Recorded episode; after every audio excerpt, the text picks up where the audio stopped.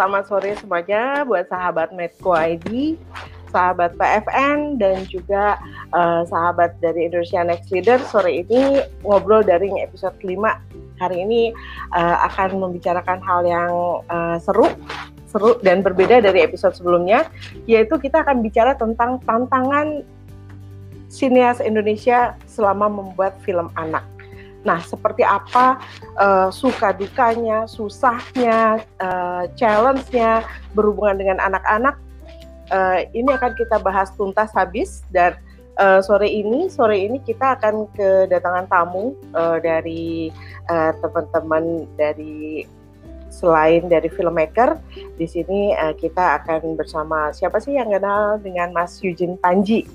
Nanti ada Mas Yujin yang uh, Mas Panji, saya panggilnya akan panggil Mas Panji yang udah biasa uh, memproduksi film-film um, Indonesia, film anak-anak yang banyak melibatkan film anak-anak dan berapa film yang diproduksi oleh Mas Panji ini sudah masuk ke festival-festival film internasional luar biasa sekali dan uh, Mas Panji sore ini akan membahas akan berbagi cerita sama teman-teman uh, bagaimana sih sebenarnya dia menghandle uh, anak-anak dalam produksi film. Terus terang saya selalu bilang anak-anak kecil kan uh, little monster ya, agak-agak uh, tiba-tiba tantrum di tengah jalan gitu ya. Ya mungkin pengalaman pengalaman uh, berurusan sama anak-anak kecil di produksi itu luar biasa. Dan Mas Panji ini amat sangat sabar ngurusin eh, anak-anak uh, ini karena uh, banyak film Mas Panji yang sudah dapat penghargaan baik itu di International Film Festival seperti di Berlin Film Festival, Zurich Film Festival, uh, kemudian ada Palm Spring International, baik yang di Hong Kong ataupun di Kids Toronto Film Festival. Luar biasa banget uh, prestasinya Mas Panji dan nanti Mas Panji juga akan ditemani uh, sama tem dengan uh, Mbak Fitri, Mbak Fitri Herarti dari uh, tamu kita sore ini. Kita kedatangan seorang psikolog, seorang uh, pakar spesialis perkembangan anak dari Child Fund Internasional di Indonesia yang bertanggung jawab dalam desain semua program untuk anak usia 0 sampai 14 tahun.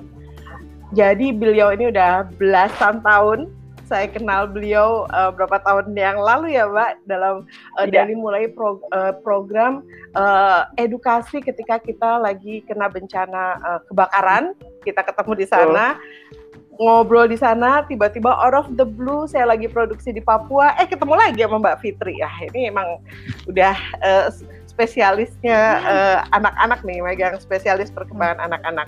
Dan yang pasti sore ini kita juga kedatangan bintang cilik bintang film cilik yang uh, sekarang kelas 3 SD di sini ada Messi ada Messi uh, Gusti yang nanti akan bercerita kayak gimana sih uh, suka dukanya selama produksi film di uh, Indonesia. Nah, teman-teman tanpa panjang lagi, saya sapa semuanya semuanya. Selamat sore Mbak Fitri, Selamat Mas sore. Panji, Hai. Messi, apa kabar? Sore, baik. Halo. Udah keluar belum nih suaranya, Mbak Fitri, Mas Panji. Messi? Udah, udah clear. Thank you banget waktunya nih di acara ngobrol bareng di uh, kerjasama Medco ID, PFN dan juga Indonesia Next Leader. Nah ini di sini udah udah kumpul semuanya. Mas Panji, thank you waktunya udah bisa bergabung di sini. Dan saya tahu banget waktunya Mas Panji luar biasa. Ini Mas boleh cerita nggak sih Mas uh, gimana sih Mas film Indonesia, terutama perkembangan film untuk anak-anak saat ini? Kayak gimana nih kondisinya? Oh, kalau ngomongin secara secara global, industri film Indonesia kayaknya uh, lagi tinggi-tingginya justru ya, karena maksudnya uh, dalam setahun kemarin itu hampir hampir 200 film diproduksi. Uh, wow. Tapi, ya banyak banget gitu, dan segala macam genre ya gitu. Tapi memang terus kenyataannya sampai hari ini industri film anak belum menjadi main course lah gitu okay. untuk industri itu sendiri. Karena memang uh, uh, di dunia juga sih gitu maksudnya kenyataannya industri dunia anak itu belum terlalu menarik ya gitu dari sisi bisnis gitu ya. Jadi sehingga akhirnya terus kemudian konsentrasi bisnis untuk mensupport uh, industri film anak itu sendiri ya belum banyak tentunya gitu. Kayak tahun lalu berapa sih jumlah uh, apa sih jumlah film anak dibanding sama film dewasa gitu. Itu jauh banget not even 10 persennya gitu. Paling cuma sekitar 3 atau 5 persennya gitu. Tahun sebelumnya lagi juga sama dan dan terus terus dan ke depan juga ke depan juga aku dengar juga nggak terlalu banyak juga film anak gitu. Padahal okay. ya marketnya sekarang harusnya lebih besar ya. Maksudnya kan sekarang Gen Z, Gen Alpha uh -huh. kan mhm. sekarang yang memegang peran dunia gitu ya. Sehingga akhirnya mereka uh mhm. -huh. harusnya punya asupan asupan asupan gizi yang baik dalam konteks uh, film kali ya gitu. Oke okay, oke. Okay. Nah Mas, bedanya uh, produksi film tanpa melibatkan anak-anak sama yang film khusus anak-anak tuh ada yang cukup berbeda, cukup signifikan nggak Mas? Uh, bukan cukup sangat sangat signifikan. Sangat okay. signifikan. Uh, pertama uh, mungkin uh, kenyataannya bahwa industri film itu biasanya orang-orang di belakang film itu kan orang-orang dewasa mostly gitu. Ya. Sehingga perilakunya orang dewasa itu mostly barbar lah gitu ya gitu. Okay. In of, uh, manner and behavior gitu. Nah, di industri film anak-anak perilaku-perilaku itu tuh nggak mungkin bisa kita terapkan gitu. Maksudnya cara kita menegur uh -huh. orang gitu. atau kita meminta sesuatu gitu tuh beda banget gitu. Nah, di di dunia film anak-anak tuh memang terus kemudian pertama mungkin basicnya si sutradara atau atau siapa pun itu harus menyukai dulu dunia anak gitu karena memang oh, unik okay. banget ya, gitu. Uh, kenyataannya kan ada anak-anak yang introvert atau extrovert. Kalau di usia remaja kan begitu introvert extrovert pasti mereka they know how to manage their self gitu. Oh. Tapi kan anak-anak yang introvert kan bingung mereka harus ngapain. Apalagi oh. terus kemudian latar belakang beda-beda gitu kan. Nah, kita harus menghadapi itu itu satu.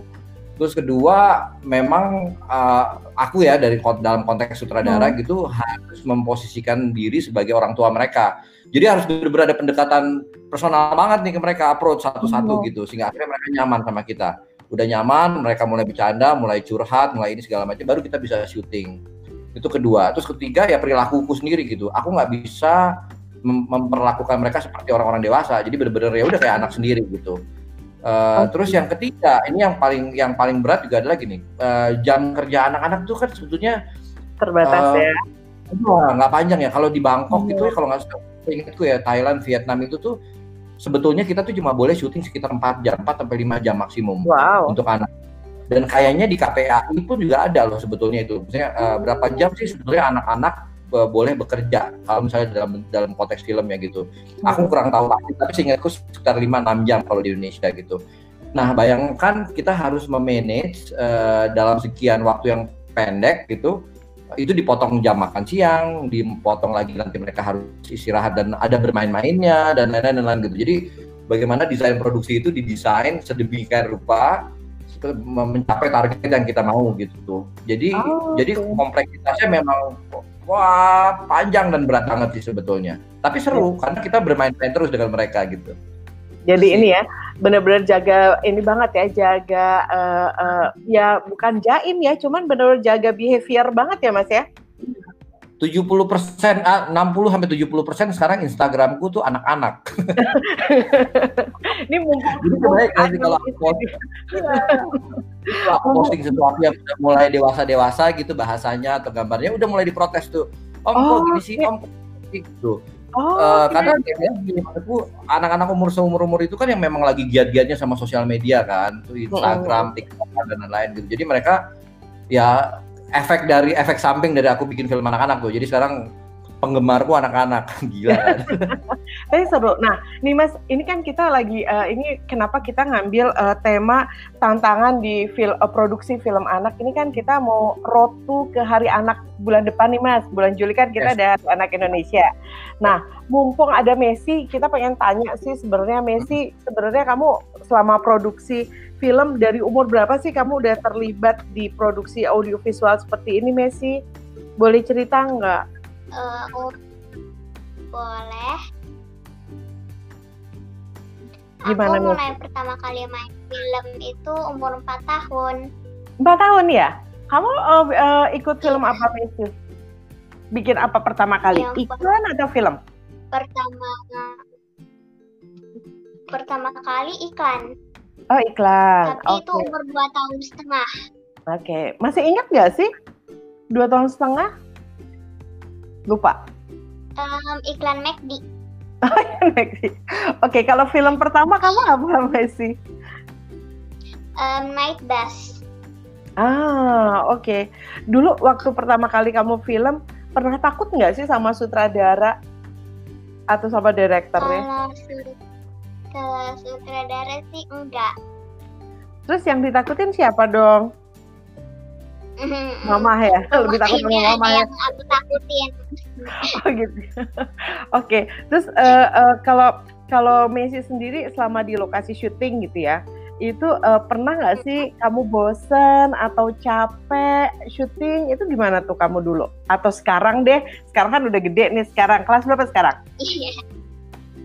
Kalau lagi bad mood itu kadang aku gambar Oke. terus kayak main boneka gitu. Hmm, oke. Nah, istirahat. Hmm. Sekarang eh, sekarang Messi kelas 3 SD. Iya, tiga. Guys, kelas 3. Nah, apa sih yang kamu suka di lokasi syuting atau pas lagi syuting? em, banyak pemain yang baik-baik. Oke. Punya pengalaman yang nyebelin nggak Messi? Em, em, callingannya kadang pagi, tapi di Mm-mm. take-nya malam. Oh, oke. Wah itu kalau kalau syuting sama Om Panji pasti Om Panji udah dikomplain sama uh, pemain anak-anak semua tuh Messi. Dari Mbak Fitri, Mbak Fitri, ini uh, saya pengen tahu nih Mbak Fitri sebenarnya uh, untuk uh, untuk anak-anak seperti ini uh, gimana sih sebenarnya mengarahkan anak atau uh, usia-usia perkembangan yang uh, yang sebenarnya perlu kita perhatikan Mbak Fitri. Ini mumpung ada Mas Iya. Panji, ada Mbak Fitri, ada Messi nih kita jadi satu. Iya Oke, nih, eh, Silakan Mbak, saya Mbak sebenarnya Fitri. nggak perlu hadir di sini nih sudah di cover sama Mas Panji semua. Oh gitu ya. Jadi, tapi saya ingin me- memperkuat apa yang disampaikan oleh Mas Panji tadi, karena pertama sebelum eh, bisa membawa anak-anak untuk apa mengarahkan anak-anak di syuting, kan su- eh, ada hal-hal yang menjadi landasan besar kita. Kalau dalam konteks Indonesia kan apa pun yang terkait dengan anak kita harus mengacu kepada Undang-Undang Perlindungan Anak kan, Mbak ya. Di situ eh, Undang-Undang Perlindungan Anak tahun 2014 diperbarui nomor 34. Eh, apalagi ketika kita ngomongin industri film itu akan selalu di mana pun akan ada pro dan kontra toh bahwa Mhm. anak kok dipekerjakan anak pekerja atau pekerja anak dan lain sebagainya. Tetapi saya ingin membawa ini ke dalam sesuatu yang eh, positif bahwa eh, industri film yang melibatkan anak-anak itu di- bisa kita pandang sebagai sesuatu atau fasilitas anak untuk mengembangkan potensinya, mengembangkan eh, eh, eh, menambah pengalaman itu yang pertama pasti, terus kemudian mengembangkan potensi. Jadi anak tahu oh yang jadi kekuatanku itu apa sih, dan dia benar-benar bisa mengoptimalkan sesuatu yang memang menjadi minatnya itu. Jadi kalau terus kemudian kita bawa kepada eh, dunia film, benar sekali apa yang disampaikan Mas Panji tadi, kita harus mulai membuat suatu ekosistem yang friendly, yang ramah anak. Hmm. Ramah anak juga harus di pertama yang bikin ramah itu bukan berarti anak senyum ya, tapi Ya. anak nyaman. Ah, Oke. Karena anak lihat es krim itu juga senyum, tapi belum Iya, tentu iya, nyaman kok dia pakai. kan gitu. Jadi eh, per- perbedaannya adalah bagaimana kita membuat anak ekosistem film yang nyaman buat anak. Salah satunya tadi memahami Mas sudah disampaikan oleh Mas Panji bahwa anak tuh unik. Anak tuh Oh. beda sama orang dewasa yang bisa manage dirinya sendiri. Nah, Jadi eh, Mbak dengan keunikan di situ Mbak. Tahan di situ. Oke. Kan anak itu unik. Siap. Ini ada pertanyaan di dari Mbak Dewi Makfiroh. Ini kayaknya bisa dijawab Mas Panji dan juga Messi. Mas tadi kalau Messi bilang eh, callingnya pagi, taunya syutingnya malam. Nah Hmm. ini cara merayunya gimana nih Mas Panji kalau udah kayak gini? Nanti saya pengen tahu juga nih caranya Messi ngurangi kesebelannya tuh kayak gimana? Mas Panji dulu deh. Ini gimana Mas kalau Hmm. kalau mulai dari eh, callingnya pagi, taunya syutingnya Ya. malam. Ah, trik trik-triknya Mas Panji apa nih? pertama pertama aku eh, belum pernah sih melakukan itu Messi kamu Iya. belum pernah syuting sama aku jadi gini aku biasa gini eh, kita orang dewasa sebisa mungkin tidak bo- tidak berbohong Oke. tidak berbohong sama anak jadi misalnya kalau memang kita syuting pagi ya harus pagi kalau syuting malam harus malam tapi tapi gitu tapi juga kita harus ngajarin mereka tentang eh, eh, realita realita realita hidup misalnya gini oh kita memang syutingnya pagi nih tapi ternyata hujan Hmm. Which is uh, itu bukan kontrolku. Terus kemudian kita harus memberi pemahaman. Oke, okay, ini kita nggak bisa syuting, jadi kita syuting malam. Tapi terus kemudian memang kan pertanyaan bagaimana sih meng mengisi jeda itu? Nah itu yeah. tadi gitu. Biasanya dari awal tuh kita udah bikin kayak tadi ya, Mbak Fitri bilang bikin ekosistem sih gitu. Apa sih yang menarik buat mereka dunia? Ada ada mainan, ada buku, ada workshop, ada ada bermain bersama-sama gitu. Nah itu yang terus kemudian boringannya mereka uh, hilang. Tapi juga memang ada yang kita scene malam, scene oh, malam yang which uh, kita baru syuting itu jam 7 malam baru mulai syuting sampai sedikit pagi gitu jam eh bukan sedikit pagi sih saya kayak dua jam dua pagi gitu. Sebetulnya aku nggak tahu itu sebetulnya itu menyalahi undang-undang apa enggak kayaknya sih iya ya. Tapi tapi tapi itu punya kompensasi sebelum dan sesudahnya sih. Okay. jadi gini uh. sebelumnya mereka benar-benar harus istirahat dan sesudahnya mereka benar-benar harus istirahat. Jadi panjang tuh uh, waktu waktunya panjang gitu. Tentunya terus kemudian disupport sama makanan yang benar vitamin yang benar Uh, yeah. Terus kita punya camp dulu, campnya gitu. Biasanya sebelum itu kita kita bawa dulu ke camp nih gitu. Kita karantina bagaimana sih uh, uh, kalian dealing sama orang dewasa, bagaimana sih orang dewasa dealing sama itu. Karena yang paling berat sebenarnya adalah memanage uh, psikologis anak-anak ini sih. Ah, itu yang paling berat.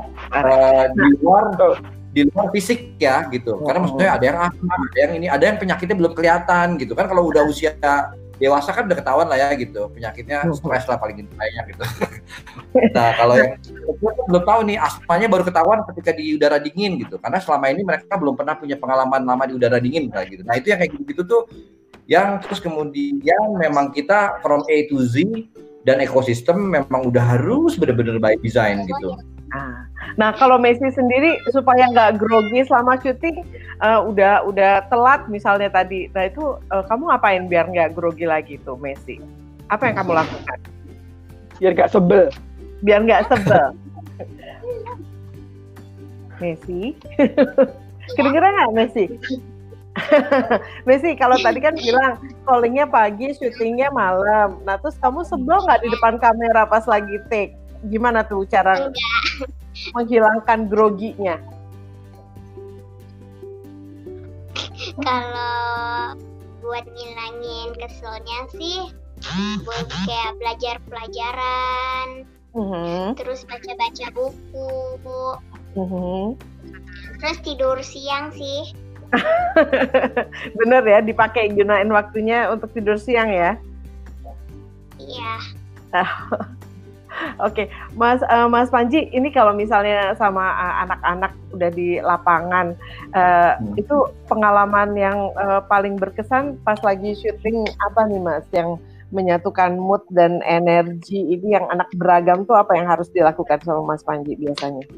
Oke, okay, pertama gini, kenyataannya nih, ini mungkin cerita ya pengalaman yang kurang menarik, tapi itu kemudian bisa juga di diceritain di sini. Pertama gini, kenyataannya banyak banget yang ambisius itu sebetulnya orang tuanya. Bukan ah. anak.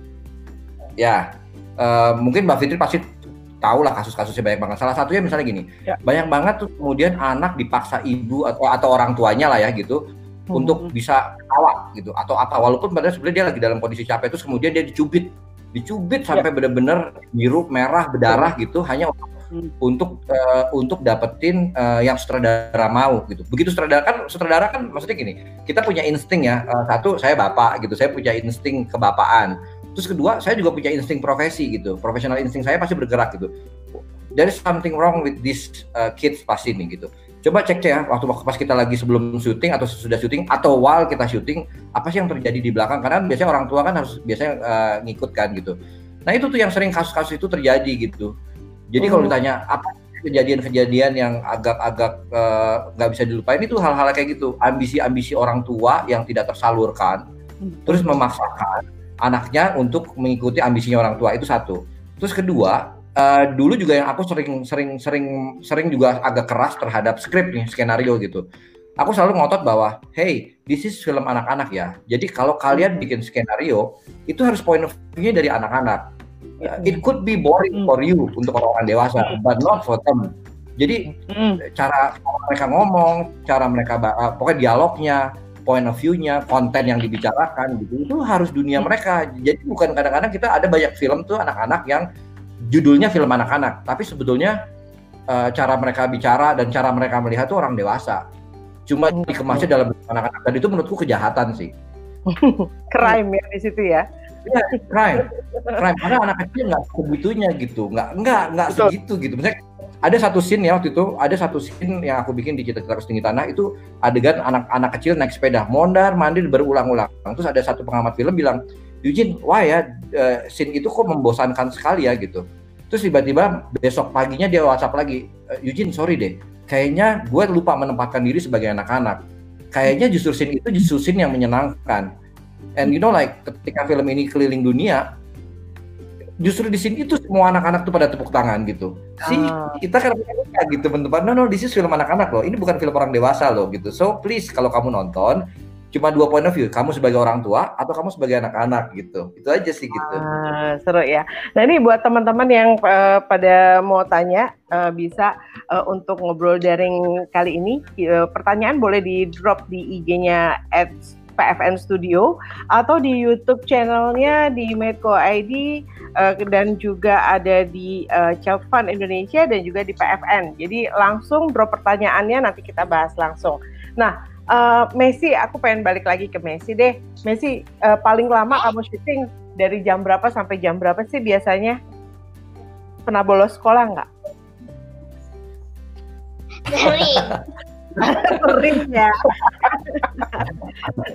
ya. Jam berapa kamu biasa keluar uh, ini uh, calling shooting? Um, dari pagi sampai pagi sih pernah. Oh my uh. god, serius nih. Oh. Ya, aja siapa? Itu yang waktu syuting film horor. Oh, sih. Oh. Banyak malamnya ya Messi ya. Nunggu hantunya datang.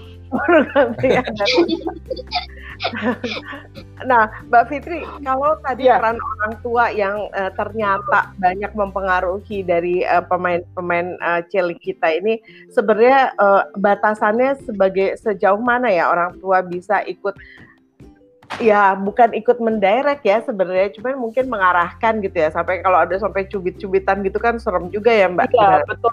Ya, serem menyedihkan sebenarnya kalau saya melihatnya.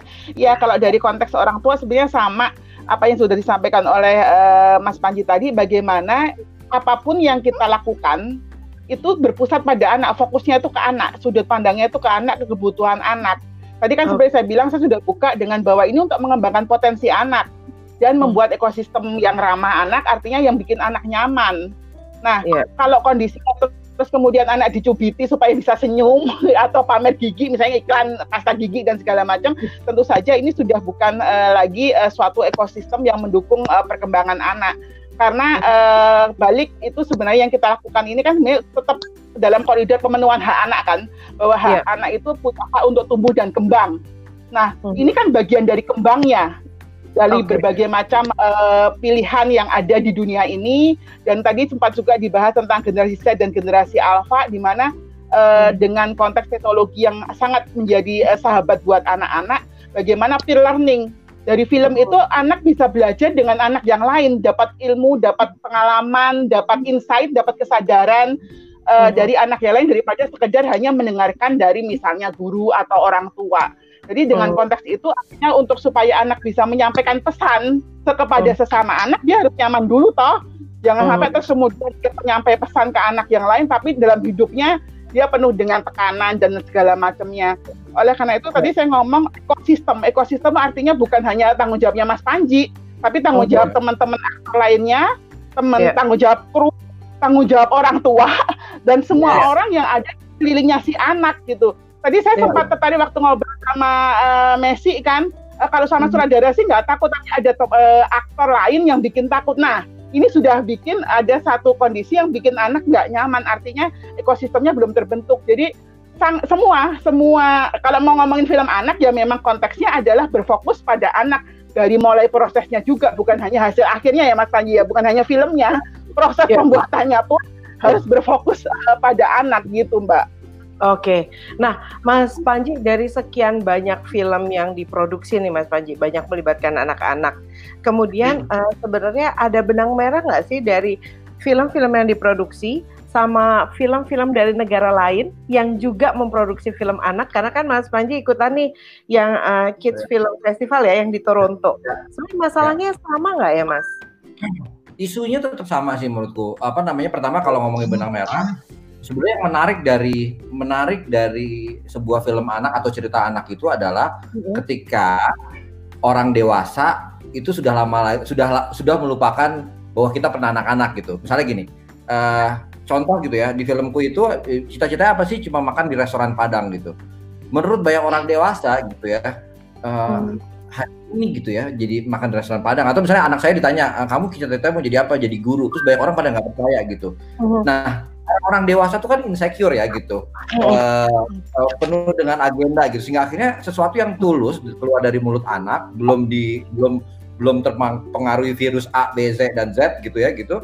Itu terus kemudian kita nggak percaya orang tua gitu. Orang-orang dewasa hmm. gitu kan. Ya. padahal mendigging mereka gitu. Kenapa sih jadi guru? Oh ternyata guru ternyata referensinya mereka atau inspirasi mereka cuma kadang lihat A gitu. Yang very simple gitu. Okay. nah menurutku gitu kesimpulan itu yang terus kemudian uh, kesimpulan narasinya kesimpulan dialognya kesimpulan sudut pandangnya kesimpulan drama dan dan apa konfliknya gitu mm -hmm. itu terus kemudian jadi benang merah semuanya gitu menurut saya misalnya gini, ada mobil sport yang mahal banget dan ada mobil yang biasa aja gitu. Hmm. Anak kecil nggak pernah melihat itu perbedaannya apa gitu. Dia cuma tahu hmm. kalau naik mobil itu enak, that's it gitu. Ya. Yang membuat itu jadi konflik itu orang dewasa. Harganya dibikin mahal, dibikin ini, ini gitu. Nah anak-anak kan sebenarnya nggak pernah tahu gitu kan. Ini yang mau aku ceritain. Uh, filmku itu cerita tentang tahu bacem. Tahu bacem hmm. yang tuh kemudian aku bawa ke Jerman gitu ya. Di sana makannya bro gitu kan kita udah khawatir nih aduh film kita nih tentang orang yang makan selalu tiap hari makan orang Jawa yang makan bacem terus pengen makan restoran Padang uh, kontekstual nggak ya sama di Jerman gitu itu makanan yang mereka nggak pernah makan gitu kan terus yeah. anak-anak pula gitu kan aduh gimana ya yeah. gitu and you know what gitu waktu waktu part di Q&A pertanyaan itu banyak banget dan excitementnya tuh di situ. Kenapa sih mereka selalu makan manis? Kenapa sih gini? Oh orang Jawa tuh begini ya. Emang di Indonesia ada apa sih? Eh, emang makanannya selalu ini. Oh kalau kalau di Padang tuh mereka kan nggak punya restoran kayak restoran Padang gitu kan. Ya. Oh wow banget gitu. You like a king, you know gitu. Oh like a, kayak Elsa, kayak apa kayak semua ada gitu. Oh my god di negara kamu ada yang kayak gitu masih ada ya gitu. Yes we are gitu. Nah ternyata apa namanya uh, uh, lokal konten yang kita punya aja tuh sebenarnya cukup mengerti. Sementara orang-orang dewasa, even aku yang bikin bisa nggak ya, bisa nggak ya. Dan lagi-lagi kita orang dewasa terlalu banyak dengan dengan poin-poin insecure itu tadi sih gitu. Benar-benar ya, ini ya, overthinking ya. Iya, overthinking. Yes, exactly. Overthinking. mungkin bahasa itu. nah, kalau Messi sendiri, kalau Messi sendiri kalau pas lagi syuting uh, pernah nggak sih bangun tidur kamu udah ngerasa capek banget males ke tempat syuting? Pernah ngalamin rasa bosan nggak? Pernah nggak? Pernah. Pernah. Terus gimana dong? Terus kamu tahu hmm. bilang sama mama, ma aku nggak mau syuting, teleponin om sutradara dong gitu nggak? Enggak. Terus gimana kamu nggak uh, pas lagi sebel kayak gitu Messi? main-main dulu sih. Datang hmm. telat ke lokasi syuting ya. Keren nih Messi profesional banget deh. Iya. Gak mau, gak mau pegang komitmen, pemegang komitmen. Oh iya, komitmen. Oke, okay, uh, eh, Messi, uh, film terakhir kamu yang uh, yang sekarang lagi produksi film apa nih Messi? Aku pengen tahu deh. Masih reading sih. Oh, masih reading. Oke. Okay. Terus kamu kalau pas lagi reading gitu uh, uh, apa namanya uh, uh, ada kesulitan nggak meng mengartikan apa yang kamu baca? Suka sih. Terus uh, dibantu nggak Messi? Kan ada acting coachnya. Oke. Okay. Hmm. Jadi mereka yang bantu Messi. Ya. Iya. Oke. Okay. Aku tambahin ya. biasanya Mulai. ada acting, Silakan, acting coach juga uh, acting coach itu biasanya membantu si uh, artis-artis cilik ini untuk memahami objektif setiap scene biasanya. Jadi ntar sutradara kasih tahu nih, eh ini kamu harus lari ya. Kenapa sih harus lari gitu. Nah terus nanti diceritain. Jadi anak ini memahami uh, bukan cuma sekedar lari, tapi oh lari untuk ini. Gitu. Oke. Okay. Jadi ini ya tetap dibina, uh, tetap dibimbing dari uh, scene by scene gitu ya, Mas Jin ya? Ya, ya. Oke. Okay. Nah, kalau dari uh, dari segi produksinya sendiri, Mas Panji, ini kan hmm. uh, uh, saya nggak tahu ya bisa jumping shot gitu nggak sih, Mas? Jadi anak-anak dihabisin dulu baru scene-nya yang dewasa atau memang uh, aturan mainnya gimana sih, Mas? Kalau produksi film anak? bisa-bisa uh, aja, tapi kadang-kadang uh, kemampuan pemain kan tidak canggih-canggih semua gitu. Maksudnya gini, kadang-kadang okay. kalau harus harus jumping scene gitu ya, beda-beda hmm. waktu, beda ini tuh kadang-kadang kita harus harus nginget scene sebelumnya gitu, which is itu yang okay. menurutku gitu kan. Hmm. Uh, memang terus kemudian lebih mempermudah kita uh, ngurut sih gitu, uh, okay. uh, linear gitu, nggak nggak terlalu linear tapi agak linear lah gitu. Hmm. Karena itu yang terus kemudian uh, Eh, kita sebagai orang dewasa uh, selalu memberi pengertian dan pemahaman gitu kayak kamu sekarang harus nangis ya uh, kenapa kamu harus nangis kamu bayangin aja gitu kalau di film ini kamu nangisnya karena kamu kehilangan teman nah tahu nggak sih rasanya kehilangan teman gitu kan anak-anak sumur mereka kan mungkin belum tahu segitu dalam artinya teman misalnya gitu atau kehilangan hmm. teman bahkan gitu karena hmm. akhirnya kita kasih tuh referensi-referensi uh, atau nggak analogi-analogi yang simpel dari point of view mereka gitu atau film-film yang bisa mewakili itu gitu sehingga akhirnya terus mereka dapetin feeling emosinya oh iya gila sedih banget ya gitu terus kemudian akhirnya mereka dengan dengan mudahnya nangis begitu aja gitu sesuai yang kita oh, harapin gitu oke okay, nah, oke okay. bukan manipulatif ya tapi ya itu, itu salah satu teknis sih menurutku dalam dalam proses pembuatan layar lebar gitu di belakang Oke, nah dari dari uh, dari uh, strategi yang dilakukan sama Mas Panji, yang paling efektif Mas untuk menjenakan anak-anak ini uh, selain menciptakan uh, kondisi yang kondusif ya, maksudnya ada tempat main, ada untuk baca, ada segala macam. Ya. Pendekatan yang dilakukan Mas Panji apa sampai sejauh dengan gurunya atau orang tuanya atau gimana? Nah, pertama, aku harus jadi kayak mereka. Aku oh, harus okay. aku harus belajar apa yang mereka sukai Uh, dan aku juga harus belajar apa yang mereka tidak sukai. Misalnya okay. yang paling simpel adalah gitu, uh, oh. orang seumur saya, saya harus ikutan tiktokan gitu. itu tuh menurut okay. itu penderitaan lahir batin loh gitu ikutan tiktok gitu. harus gini-gini gitu gitu gitu. Maksudnya uh, tapi begitu terus kemudian di, mereka mereka ngelihat aku bisa tiktokan, mereka merasa dihargai. Terus oh. kemudian uh, mereka dengan sendiri mereka nempel kayak magnet gitu. Cuma oh. efek sampingnya adalah nggak selesai-selesai tuh saya tuh hidup saya tuh. Oke. okay. Iya. gitu. Oh, jadi benar-benar ini ya, benar-benar how to blending with them ya, benar-benar yeah. sama anak-anak itu yeah. benar. Betul. Kalau film oh. dewasa kan kita, kita profesional aja ya gitu. I mean like you know like uh, kalau dia jelek aku bilang no, uh, you are bad. You know like oh my god, no no, bye bye uh, go kayak maksudnya dan dan ya. tata bahasa kita pun juga bisa seenaknya gitu. Ketusnya kan. bisa gitu ya, uh, ketusnya keluar. Kita bayar kamu uh, proper uh, come to the location just do it do the best. Udah sesimpel itu. Tapi di anak-anak nggak mungkin gitu. Jadi kalau sama sama approach ke pemain dewasa itu mungkin ada tiga empat langkah. Kalau ini bisa seribu langkah gitu. Melelahkan ah. sih Ya, ya, ya, ya, betul. Tapi uh, ini uh, seru juga ya, Mbak Fitri. Aku pengen nanya dong, Mbak. Ini anak-anak okay. itu uh, punya masa tantrum tuh sampai umur berapa sih, Mbak? Sebenarnya moodnya yang begitu nah. swing moodnya berubah-berubah gini, Mbak? Nah, kalau ngomongin konteks tantrum itu sebenarnya bisa sampai gede pun umur 18 tahun bisa tantrum kalau memang situasinya memungkinkan dia untuk membesarkan ego tantrumnya. Oh, jadi okay. apa? Ya, betul. Jadi uh, ketika tantrum itu terjadi kan ketika anak ingin mencapai uh, mendapatkan sesuatu toh. Ya, nah, betul. ketika dengan tantrum dia selalu mendapatkan sesuatu ya dia akan terus tantrum sampai dia gede, mungkin sampai dia merasa malu atau punya cara lain untuk mendapatkan keinginannya. Jadi kalau ngomongin tantrum, orang-orang yang ada di sekitarnya ini harus berperanan untuk tadi aku selalu bilang ke anak itu uh, anak dijadikan sebagai subjek, tapi juga konsisten terhadap perlakuannya anak.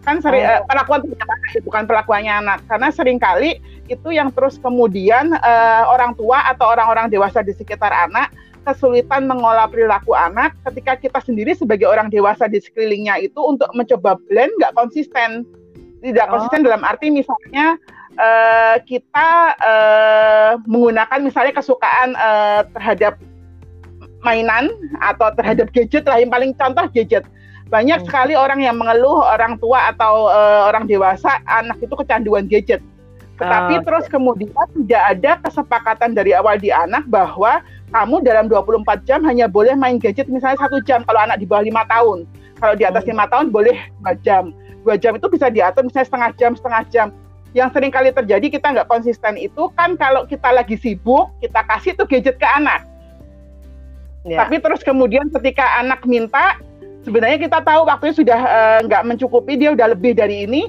Kemudian anak mulai nangis mulai teriak-teriak dan segala macamnya. Sehingga aduh daripada rame daripada malu sama tetangga daripada malu sama Mas uh, Panji dan segala macam dikasih deh. Itu kan sebagai bentuk bahwa ya anak pikir oh aku harus harus marah-marah dulu harus banting-banting dulu aku akan dapat gadget gitu kan ah. jadi hal konsistensi ini yang harus uh, jadi uh, jadi kunci kita untuk mengelola anak sehingga anak juga belajar kok anak bisa tahu kita mengutamakan mereka tapi mereka juga uh, belajar untuk setup rules aturan ah. yang harus mereka uh, patuhi gitu, dan ya? aku lihat ini message sudah sangat bagus sekali dan kontes uh, dia uh, komunikasinya mungkin dengan uh, kru filmnya ya bahwa diberitahu bahwa uh, apa yang akan dilalui dan segala macam. Jadi walaupun males dia tetap datang dan segala macam. Itu kan sebenarnya pembentukan karakter yang sangat bagus. Ini iya. nilai positif dari anak yang terlibat dalam industri, sebuah industri bahwa dia harus bisa mengelola dirinya, mengelola emosinya, mengelola moodnya untuk mencapai tujuan sudah disepakati bersama itu sesuatu yang kadang-kadang untuk anak yang belum memiliki kesempatan uh, di dunia ini tidak terlatih dengan baik. Mereka uh, jangankan untuk kontrol bahwa harus ke tempat syuting, kontrol untuk bangun pagi aja susah masihan kan. Jadi hal-hal seperti itu yang kita ya coba uh, tadi seperti yang disampaikan oleh Mas Panji berfokus uh, pada kebutuhan anak, blendingnya itu benar-benar ya sama. Kalau uh, saya sama anak-anak anak-anak lagi moodnya TikTok ya terpaksa harus nge TikTok juga gitu kan? Tapi benar supaya ini tapi supaya sama sama sama winnya itu tadi itu konsistensi bahwa oke okay, kita main TikTok oke okay, ya Om Panji main TikTok setengah jam tapi setelah itu kita mulai main take uh, scene ya dan segala macam. Ya seperti itulah memang me, apa namanya me, mengelola mengelola anak-anak. Tapi benar karena anak tuh unik nggak bisa disamai sama orang dewasa. Eh acting lu jelek eh, ya. itu nanti bisa jadi suatu apa namanya beban mental bahwa aku ternyata dinilai jelek dan segala macamnya bisa panjang urusannya. Kalau orang dewasa ya kau mengolah sendiri gitu kan. ini luar biasa memang Mas Panji dapat ini dapat pujian nih Mas Panji dari Heha Production. Nih Mas Mas Panji dapat pujian uh, bisa menyutradarai film anak-anak itu adalah gift. Nah, berarti Mas Panji udah dapat ah, betul. Dan jadi sahabat anak, bikin anak nyaman itu benar-benar nggak semua orang bisa. Ya, betul betul. Ini ada pertanyaan nih Mas Panji dari uh, Mas Oka Sumatarja. Sumantarja. Hmm. Pertanyaannya khusus proyek film anak, apakah masih kejar tayang atau kejar syuting? Subuh ketemu hmm. subuh hmm. atau gimana nih Mas Panji? Dari Mas Kalau Oka, saya, Sumanta uh, Silakan Mas Panji. Sepengalaman saya menyutradarai gitu ya, uh, baik itu iklan, video klip atau film gitu, saya nggak pernah mau sih dari dulu. Maksudnya hmm. I'm gonna fight for it gitu ya, uh, I'm gonna yeah. stand for uh, the kids juga gitu. Maksudnya, yeah. Ya. uh, misalnya gini, aku uh, sering kan hari-hari daily aku syuting uh, produk anak-anak kayak iklan gitu uh, terus kemudian kadang-kadang uh, to get what what they want gitu ya gitu uh, hmm. kita use and abuse gitu aku sering hmm. bilang ke hmm. brand gitu, kalian tuh brand anak loh harusnya kalian yang hmm. tahu banget banget bagaimana insight anak-anak ini uh, harus hadir gitu kapan sih anak-anak ini tumbuh berkembang di jam berapa sih hmm. mereka tumbuh dan berkembang dan di jam-jam yeah. itu sementara kamu produknya produk tumbuh dan berkembang sementara you, hmm. you apa namanya kamu mau mencuri jam tumbuh berkembangnya mereka ini how come gitu. Yeah. Walaupun yeah. kemudian ke, ke, kemudian sebenarnya uh, statementku tadi dilindungi sama undang-undang juga sebetulnya kan undang-undang anak-anak yeah. juga tuh yang KPI dan lain-lain hmm. gitu. Tapi kan kemudian kan memang ketika kita ngomongin industri, bisnis dan lain-lain itu ada kepentingan lain gitu kan. Uh, nah kalau ditanya pertanyaannya pernah nggak apa segala macam uh, kejar tayang, so far aku sih nggak sih. Uh, karena itu komitmen sih, komitmen komitmen yang uh, dan integritas hmm. juga sih ya gitu integritas karena uh, buatku lagi-lagi uh, apalagi sekarang gitu ya aku nggak mau bikin kasus yang nggak penting gitu terus kemudian nanti bisa ke ke, ke, ke kedengeran keluar bahwa hanya gara-gara kesalahan kecil tentang uh, produksi sebuah anak terus kemudian jadi jadi jadi jadi jadi standar yang nggak bener lah gitu which is itu nggak baik sih itu sih kalau menurutku gitu Nah, ini uh, antara Mas Panji atau sama Mbak Fitri, ini ada pertanyaan hmm. lagi nih Mas dari production. Hmm. Sebenarnya sudah ada tata laksana produksi nggak untuk khusus film anak-anak? Ini PR banget deh, ntar aku cari juga deh jawabannya ya Mas ya. Tapi mungkin kalau Mas Panji udah ada jawabannya, uh, boleh di-share juga. Ada kalau, KPAI ya Mas ya? Ya kalau KPAI itu ada berapa jam maksimum? Sebetulnya ada. Ya. Terus kemudian uh, sebetulnya mereka nggak boleh mengendorse sebuah brand langsung, hmm. uh, terutama brand-brand dewasa ya, setauku gitu. Jadi mereka harus didampingi sama orang tua. Okay. Uh, jadi kalau ada scene-scene yang sifat mengendorse itu harus ada orang dewasa di sebelahnya hmm. uh, ya kalau secara ya. tertulis setauku gitu tapi uh, monggo tolong dicek juga uh, tapi tapi menurutku aturan-aturan itu nggak berlebihan kok memang memang begitu di seluruh dunia gitu ya, tinggal ya, terus ya. mau ikut apa enggak gitu Oke, okay. dan uh, dan dari dari sekian uh, kali produksi, Mas uh, punya hmm. target nggak sih dalam setahun tuh ada film anak yang diproduksi sama Mas Panji? uh, durasinya lebih lama nggak sih mas sama film yang non anak-anak misalnya yang uh, film dewasa atau uh, uh, yang tidak menjadi khusus tema fi film anak? Uh, biasanya kalau film, film anak itu di bawah 100 menit sih ya. Uh, oh, kan aku tahu ya. ya. Mungkin mungkin ada analisanya kali dari Mbak Fitri ya. Aku nggak tahu karena maksudnya gini uh, apa namanya kemampuan menganalisa atau memakan gitu menerima informasi uh, durasinya mungkin nggak sepanjang orang dewasa mungkin ya secara fisik yeah. atau memori yeah. tapi hitungannya gimana aku nggak tahu tapi kalau kita biasanya di bawah 100 hmm. menit itu udah udah titik di mana uh, udah paling maksimal untuk orang anak-anak bisa men mencerna lah ya gitu film itu gitu.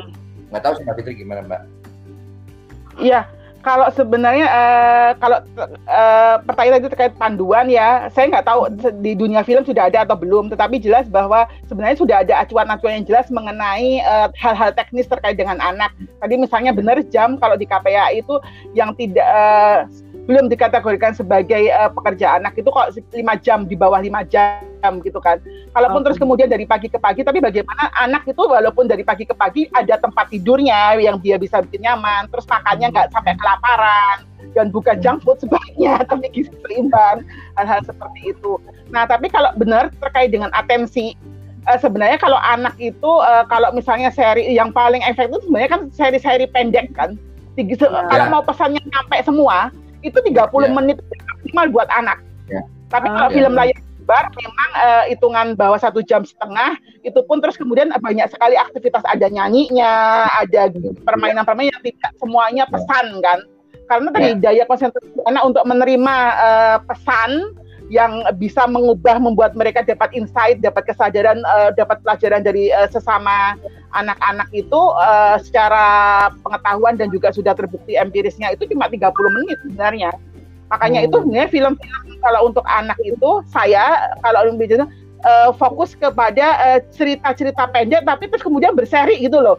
Uh, tapi tidak yeah. tapi tidak kejar tayang karena kalau kejar tayang itu banyak sekali resiko kadang-kadang uh, tadi balik kepada saya pengen ngajak kepada ekosistemnya yang friendly sama anak ya itu kan berarti juga dalam proses desainnya kan kalau ya, kita ya. bisa misalnya Mas Pati mendesain bahwa film dewasa itu bisa seminggu selesai mungkin sama anak per dua minggu nah ya, itu kan ya. berarti spek kepada pembiayaan ya memang mahal kalau ngomongin film anak gitu kan tapi karena ya. uh, konteksnya kan memang berbeda sama uh, kondisi orang dewasa gitu jadi kalau ya. uh, perubahan perilaku itu kan perlu uh, attachment yang berulang. Ya, Jadi ya. untuk bisa pakai ke anak itu, misalnya film-film, kenapa terus kemudian Upin Ipin itu sangat mengena di hati anak-anak dan dalam pikirannya anak-anak karena itu rutin dan sebentar-sebentar. Oh. Ya. Itu kan waktunya nggak terlalu lama. Beda kalau memang kalau konteksnya Serina, misalnya karena film layar lebar 90 menit itu uh, dan tidak sesering uh, Upin jadi pesannya uh, sangat padat sekali itu sih kalau ya. memang kita mau bikin sesuatu yang berfokus kepada anak lebih baik nggak usah panjang tapi rutin tapi sering tapi produksinya itu tidak kejar tayang. Kalau kejar tayang itu banyak abuse-abuse yang mungkin terjadi. Nih, uh, Messi, masih ada nggak nih Messi? Messi, aku pengen tanya deh sama kamu, kamu di sekolah kondang ya? Mes? Messi di, uh, di sekolah kamu terkenal ya? Uh, iya. Terus kamu dikejar-kejar orang minta tanda tangan atau minta foto nggak? Enggak. Terus kamu merasa kondangnya gimana Messi? Ah kamu lucu deh. Tapi Messi kamu belum bosan main film kan? Enggak. Oh nggak bosan? Oke, okay. terus uh, sekarang uh, film apa yang pengen kamu pengen uh, ikutan lagi nih ke depannya? Selain film horor, aku nggak akan mau nonton aja pokoknya kalau kamu main film horor karena aku takut. Oh, tidak mau. aku nggak mau lagi main film horor. film apa yang Messi pengen? Uh, film kayak Kanaura. Kanaura? Oh, oke. Okay. Itu filmnya Om Panji kan? Nora and the Gang ya? Iya. Oh, Mas Panji itu uh, aku kan nonton premiernya. Oh, nonton premiernya ya? Iya. Oh my god. itu Nora emang lucu banget sih Mas Panji. Itu prosesnya ada pengalaman yang menarik ya sih sama anak-anak cewek-cewek itu? Uh, waktu film Naura lucunya adalah gini, aku waktu itu syuting mereka waktu itu kelas 6 SD ya kalau nggak salah kelas 6, ya benar kelas 6 SD. Uh, secara biologis gitu ya gitu, mereka tuh anak-anak itu uh, iya mau ABG dan udah dapat uh, beberapa udah mulai height gitu kan. Oh, Oke. Okay. Nah, gitu. Jadi dan bentuk tubuhnya mereka pun udah mulai berubah gitu ya gitu. Terus kemudian ada mulai ada ketertarikan satu sama lain lain gitu ya antara cowok dan cewek gitu. Terus kemudian adalah drama-drama di situ gitu kan ya. Dan aku oh. lagi-lagi jadi temennya mereka harus ngegeng. Wah, ada geng ini, geng itu, terus curhat ini, curhat itu gitu yang oh my hmm. god, oh my god gitu. Sementara ibunya waktu itu kan karena that was the first time hari pertama kita syuting tuh hari pertama kalau nggak salah Naura Hyde. Terus oh. ibunya Eh bapaknya justru yang panik. Bapak ya ya si Al, Baldi wah Eugene gimana gue ntar gimana? Ya udah kali itu memang udah udah memang udah waktunya gitu kan gitu. Terus? Tapi kan uh, dia belum tahu bagaimana sih menghandle PMS misalnya gitu. Iya iya. Uh, lagi BT itu ternyata itu PMS atau apa? Apa PMS itu cuma bilang ke orang dewasa? Kita kan tahu juga gitu kan. Yeah. nah, yang kayak gitu yang terus kemudian uh, apa namanya nggak uh, mudah buat kita kita sih gitu Terus tapi terus yang terus kemudian yang pengalaman yang nggak menariknya lagi adalah ketika misalnya gini, anak-anak ada waktu itu settingannya adalah di outdoor gitu ya di gunung. Terus ada anak-anak yang pakai celana pendek gitu. Terus ada beberapa sekelompok orang tua uh, melihat bahwa itu uh, kurang baik karena menilai tentang pornografi lalala gitu. Oh, okay. Nah, gitu. nah uh, waktu itu sempat sempat sempat heboh lah gitu, sempat viral ya gitu pada waktu itu gitu. Tapi lagi-lagi gitu kan kalau kita orang-orang dewasa bijak melihat film itu adalah sebagai konsumsi film anak-anak uh-huh. harusnya kita nggak sejauh lihatnya menurutku gitu. Oke. Okay. uh, ya, memang kebutuhannya hanya untuk film anak gitu. Di luar di maksudnya di dunia itu anak-anak akan melihat seperti itu sih menurutku gitu Hmm, oke. Okay. Jadi benar-benar ini ya. Uh, setelah Messi ngefans banget sama film, ternyata lucu loh. Ternyata ada ada cerita di balik filmnya yang uh, buat buat Messi seumuran Messi dan nanti juga kalau Messi mengalami ternyata banyak hal yang uh, pelajaran baru lagi yang dia diambil baik dari orang tua ataupun dari teman-teman uh, di lingkungan produksi ya. Nah, kenapa kamu suka film Naura Messi? Aku pengen tahu deh. Filmnya keren karena aku ngefans sama Kanaura. Oh, ngefans sama Kanaura. Itu film pertama Naura ya, Mas Panji ya? Iya, film Naura ya pertama betul. Pertama ya itu ya film dia ya. ya. Dan dia ngehit langsung ya. Iya iya seru-seru banget dan maksudnya gini. Uh, apalagi kita melibatkan keluarganya ya, maksudnya uh, uh, bapak ibunya sebagai bapak ibunya, terus adiknya sebagai hmm. adik-adiknya. Gitu. Ah. Tapi yang menarik Naura ini udah jadi uh, idol gitu ya uh, di usianya gitu ya. Terus sehingga akhirnya terus kayak Messi tadi bilang aku ngefans sama Naura gitu. pun juga sama nih. Jadi kita tuh tuh uh, uh, waktu syuting aku bilang ini, yuk bagaimana yuk kita merubah energi positif ini menjadi men, kita transfer menjadi energi yang produktif gitu. Karena hmm. kayaknya uh, uh, level energi positif ini nggak cukup deh.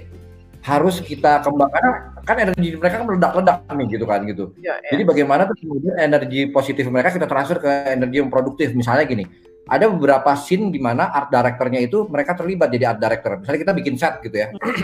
Anak-anak, eh kamu bikin ini dong, bunga-bunga di sini dong, ntar masuk di film ya gitu. Jadi tiba-tiba mereka bangga tuh, wah itu karya gue tuh, karya kita tuh, karya aku tuh, karya ini gitu. Jadi energi-energi positif itu kita transfer ke energi produktif yang terus kemudian mereka bisa lihat sendiri langsung hasilnya. Terus ah. mereka punya kebanggaan gitu. Nah itu sih yang uh, yeah. menurutku permainan-permainan itu yang kalau tadi dalam bahasa Mbak Fitri adalah ekosistem kali ya Mbak ya gitu yang terus kemudian hmm. kita terus saja ciptain gitu. Jadi nggak hmm. bisa stuck tuh. Oke, apalagi nih, apalagi nih, hmm. apalagi ini gitu.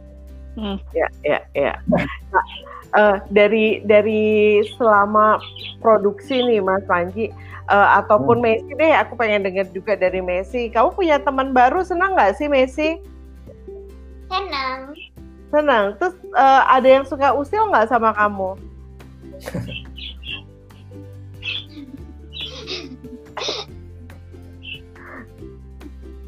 Ada enggak? Enggak nih.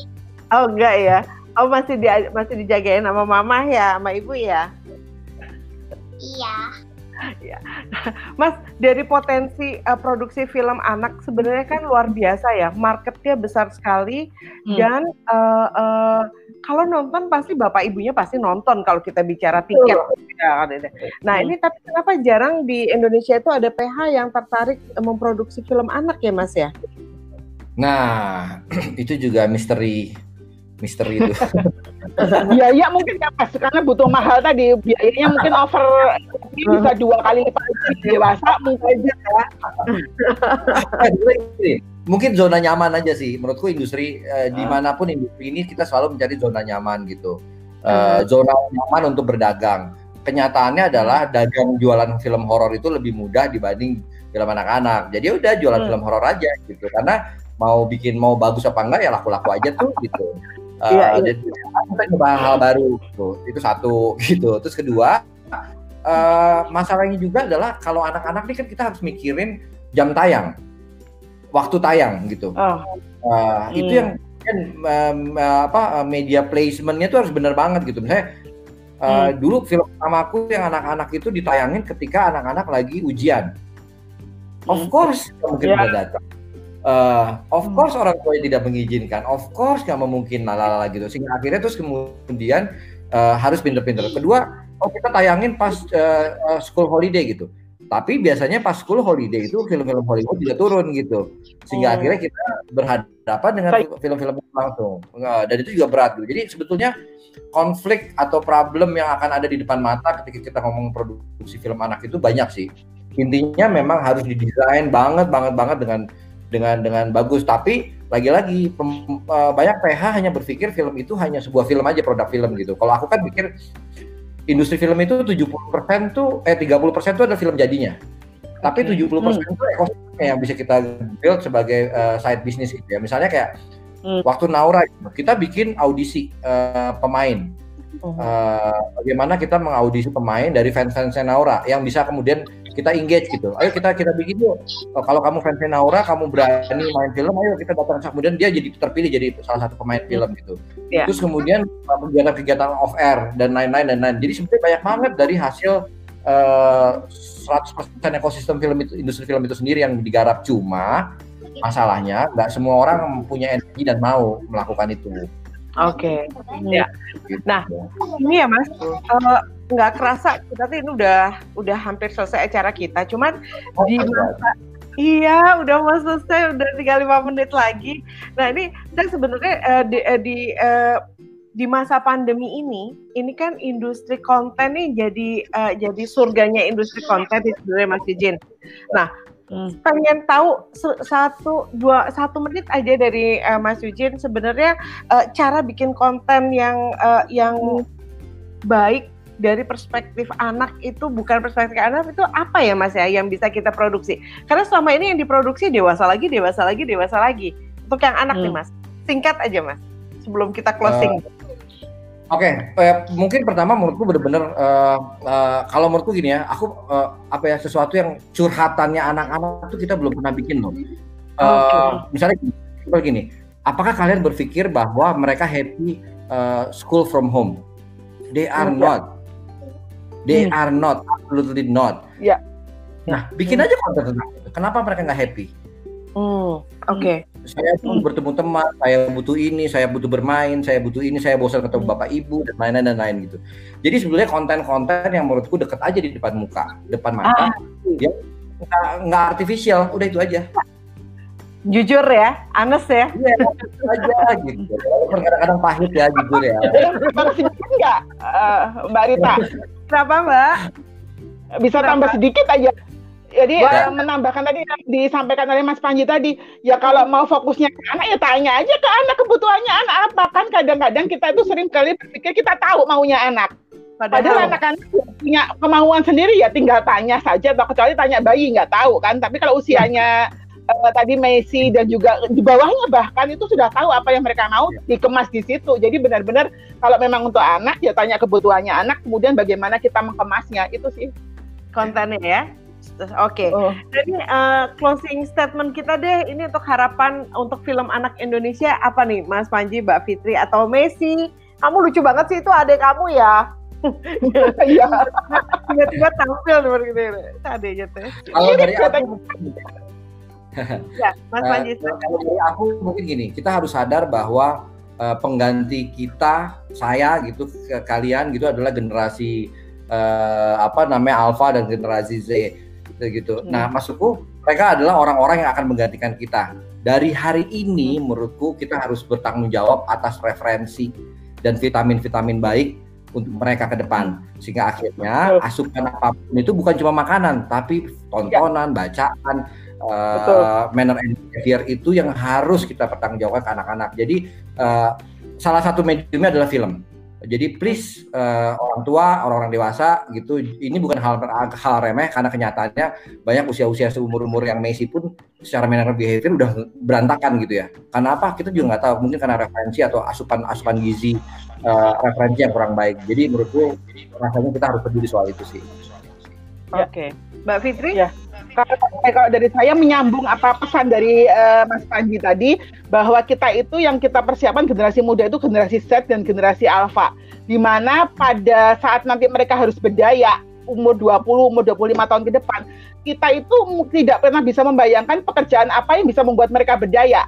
Jadi hmm. memerlukan sesuatu yang sudah dibibit, dibentuk dari sedini mungkin. Salah satunya film bisa menjadi media untuk membuat anak inovasi, untuk kreatif dan segala macamnya sehingga mereka terbiasa untuk berpikir out of the box.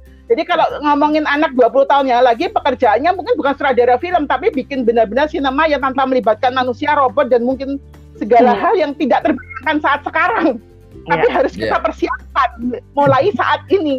Makanya masa depan itu sebenarnya sekarang bagaimana kita mempersiapkan itu itu yang pertama. Kemudian kunci yang kedua, kalau kemudian di dunia film karena saya juga uh, tidak terlibat secara mendalam di dunia film, tetapi prinsipnya adalah sama se semua yang disampaikan oleh Mas Panji tadi bagaimana kita menciptakan uh, apa desain kerja yang ramah anak, ekosistem yang bikin ramah anak prinsipnya nyaman, anak nyaman terlepas dari segala macam hal yang uh, mungkin menjadi tantangan tetapi kuncinya karena anak ya harus anak nyaman sehingga keluar semua potensinya itu Mbak Rita. Oke, okay. aduh terima kasih banget percakapan kita sore ini luar biasa. Uh, Mas Yujin Panji, thank you banget waktunya udah diganggu kita ngobrol daring di PFN, Medco ID dan Indonesia Lexider, Mbak Fitri dari uh, Child Fund Internasional dan Messi, thank you banget waktunya. Kapan kita ketemu ya? Mudah-mudahan badai virus yeah. sudah berlalu badai virus sudah berlalu dan uh, buat teman-teman semua sahabat Medco ID uh, eh, PFN dan juga Indonesia Next Leader sampai ketemu di uh, ngobrol daring kita berikutnya yang pasti akan lebih Sukses. menarik ceritanya dan waktunya juga mudah-mudahan kita akan ketemu lagi. Mas Panji sekali lagi terima kasih Mbak Fitri, Messi. Jumpa di waktu yang akan datang. Oke, okay, Salam terima kasih. Tetap pakai masker ya. Messi, hand sanitizer, cuci tangan, social distancing. Oke, salam sehat semuanya.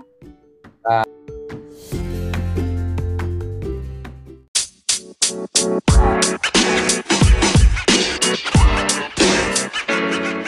man. You.